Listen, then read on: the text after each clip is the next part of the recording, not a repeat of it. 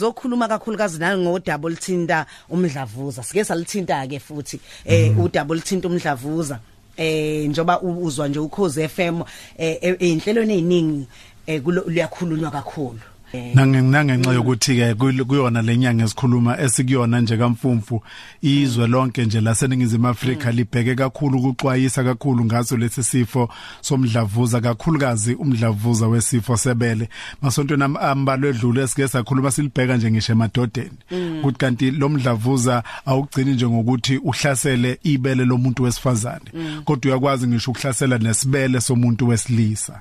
Kodwa ke ngicabanga ukuthi okusithathe kakhulu nokusihlabe kakhulu umxhwele ukubona i- abantu besilisa besemkhankasweni wokuqwashisa abantu ngawo lo mdlavuza webele njengoba sineyihambeli lezi sinazo namhlanje. Sino mfowethu la usanele wakavilakazi sikubingelele kukhoze FM mfowethu Sibonga kakhulu ukuba khona ukhosini. eh sibingelela ubono ubonolo wakasibulayi. Sanibona siyabonga ukuthi nibe nathi la ku ku Khosi FM siphinde sibe no nodadewethu la eh, uTsakho Shimange. Sikubingelela dadewethu. Sanibonani bamameli. Eh kuyasithokozisa ngendlela esimangalisa ukuthi sibe nani eh, nizoba kanye nomndeni wokhoze FM sizoxoxa nje kakhulu ngodaba oluthinta eh, umdlavuza. Kunomkhampe kune campaign noma umkhankaso eninawo eh nithi #heybra ni ake nisichazela ngomkhankaso?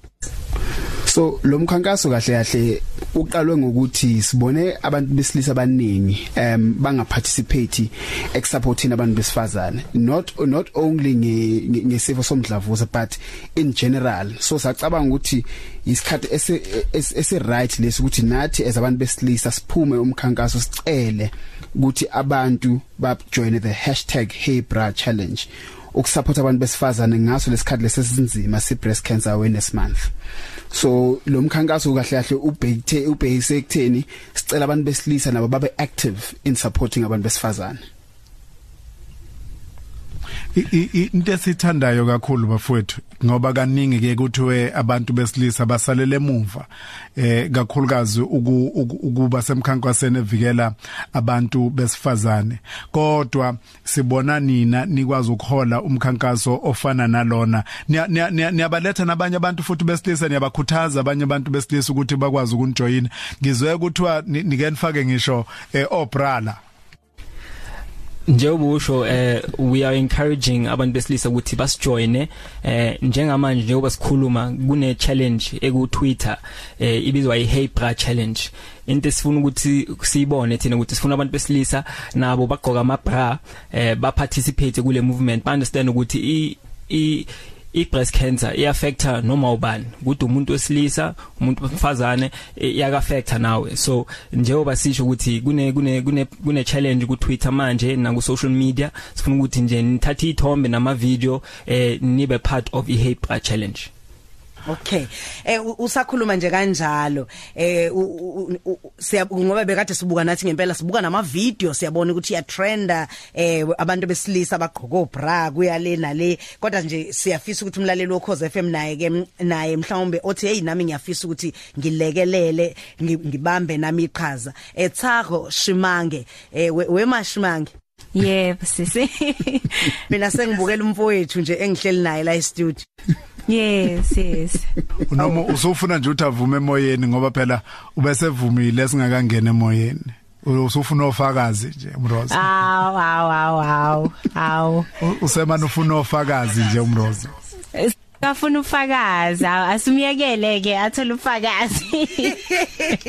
Dadewethu umkhankaso wenu uhamba kanjani eh nenza njani nje ukuthi ube kubantu nokuthi uzosebenza kanjani nizobona ngani ngempela ngempela ukuthi cha sise- si- sisebenzile ngalomkhankaso So umkhankaso wethu is uh, uh on social media. So what we're trying to do is uh we drive all information interaction um on social media. So mesenza njalo sifuna wonke umuntu ukuthi njengoba ap- a- athathe izithombe nama video achame kazifaka nje ku social media.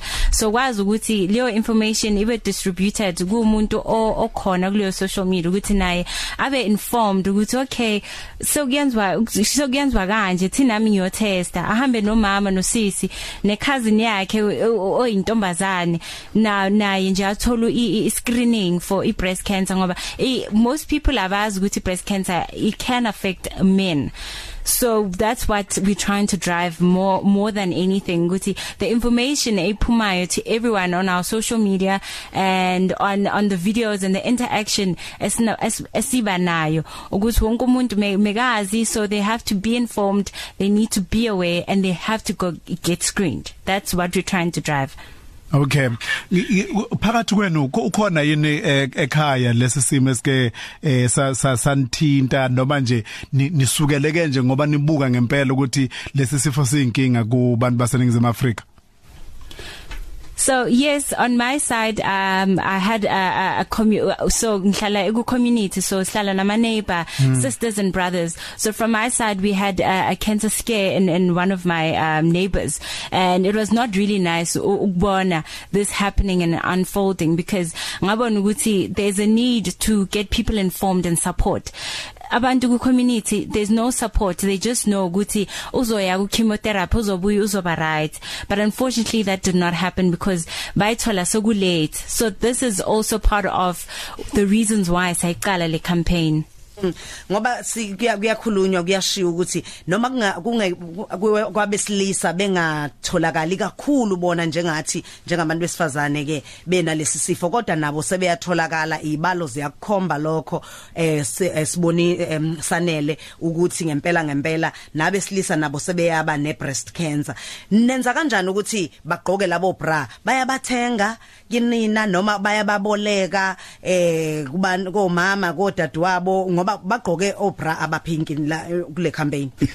So into esicela kakhulu ebantwini besilisa ukuthi oqala before uhambe uyocela ibra kudadweni unkosikazi wakho ube nene understanding of i message esizama ukuyithumela. Sizama ukuthumela umlayezo ukuthi sicela abantu ba understand ukuthi i breast cancer um isifo somdlavuza it affects both male and female. But ibra akumelanga uhambe uyoyithenga thina into esicela ukukhuluma nodadweni usisi wakho ma wakho ucela ukuboleka ibra ngoba eh, kuleyo process you also understand ukuthi ibra kukho isifundile ukuthi ibra kukho izikuyifaka nathi. Mm. sabona ukuthi umsebenzi lo angazi shenge uma okwayizama kodwa mhlawumbe uzayizama namhlanje. Kodwa after after le interview ukucele nje ukuboleka ubra uthatha isithombe uzwe ukuthi unkosikazi umuntu wesifazana makangena endlini athi ngifuna ukukhumula lo bra yingani? Ngoba there's uh, okuningi they go through. So sicela nje siyanxesa ukuthi abantu besilisa bahamba babole ku bra bathatha isithombe and then they upload it on social media. Fethu uyazi vele usinikeze ngibuka nje la kuma videos bazomangala abantu besilisa. Eh indlela eh, eh, ngesikhathi nifake labo bra nendlela nje enikhombisa ukwenama ngakhona ukuthi lento kwangempela niyenza nijabule kusenhlizweni zenu ukuthi njena nibambe iqhaza ukwenza ngcono impilo yomuntu wesifazane siyayibongela kakhulu bafowethu. Eh, banikezeni ukuthi bazonithola kuphi njenga ku social media kungaba u Twitter u Facebook Instagram. Usitshele futhi nalama video njengoba kade siwabuka nje singathola kuphi. So on Instagram sitholakala ko heybra_sa same as Twitter heybra_sa with the hashtag #heybra_challenge and uh, on Sunday kune kune walk esiyenzayo called e-September walkathon. Um and we are giving away tickets to that to that um walk. So people maba post ama video then we'll directly be in touch with them uthi nanga ama ticket enu um and just form part. Nama video you can ungawathola wonke kuma social media pages ethu at hebra.sa at hebra_sa hmm. Bafethu siyabonga. Kakhulu ukuthi nibe kanye nathi eOkhosini FM kuhle kakhulu lokho enikwenzayo niqhubekele phambili. Ngiyathemba ukuthi namhlanje seyoyazi ubaba ekhaya umfowethu seyazi ukuthi kanti ukugqoka nje ubra kodwa kuumsebenzi ongakanani. Ngingasaphathi ke uma sekuthiwa umuntu ne breast cancer. Yebo yebo uqiniso ke sibonge kakhulu. Bonga thina. sibonga kakhulu nathi bafethu. Sibonga kakhulu. Niqhubeke nje emsebenzini wenu. Selbe? Hi usuke wa usuke wa ugqoka ubra cha bungakazi ugqoke no okay lezi insizwa eka esikhuluma nazo nje la zigqugquzela mina nawe ukuthi singabagqoka nathi abantu besilisa ngisimuntu oh wow okay obra oh that's good Eh, kuthiwa i-hashtag #heybra Hey, bra. yazi Yeah, uvela ungiphoxe o-pink. uvela uvela ungehlise ngithi uzongiphoxa hayibo kanjani nje ngingakusuka ngapha hayibo udlala ngami Ngithi So, no, it's- uzopha. yeah, kumnandi. oh my gosh so um sibogqoka nino bra kambe futhi ke ng- ngiyacabanga usuku olu- olu- olu- olu- oluthizeni okay bona ngesonto bazobe benalo mkhankaso kodwa yonke lenyanga bayagqugquzela Yeah, ukuthi October ngoba i-breast cancer awareness. Yeah. All Yes. right. futhi bathi nje ungagqoka ubusu wenza ivideo ubusu uyiposta lapha na ku Instagram uba uba- kuba tag angikwazi ukuya kwi angikwazi ukulinda ukuthi ngiye kwi section ye lingerie darling. Futhi unga- unga- Emva kweshow uvela idolo ivala late ngiyakhona. ngiyavela ayi wena ke futhi ngoba une Ngifuna drama upink none ribbon. Yeah. Noma polka dots. Yey ubuthanda nezinto kulungile siyabonga kakhulu kusanele vilakazi bunolo eh sibulayi kanjalo noTsakho Shimange. Okuyibona ke abenze into enhle ngendlela esimangaliso sibachoma uphaphelo gwalagwala umrozo right here on Ukhosi FM hamba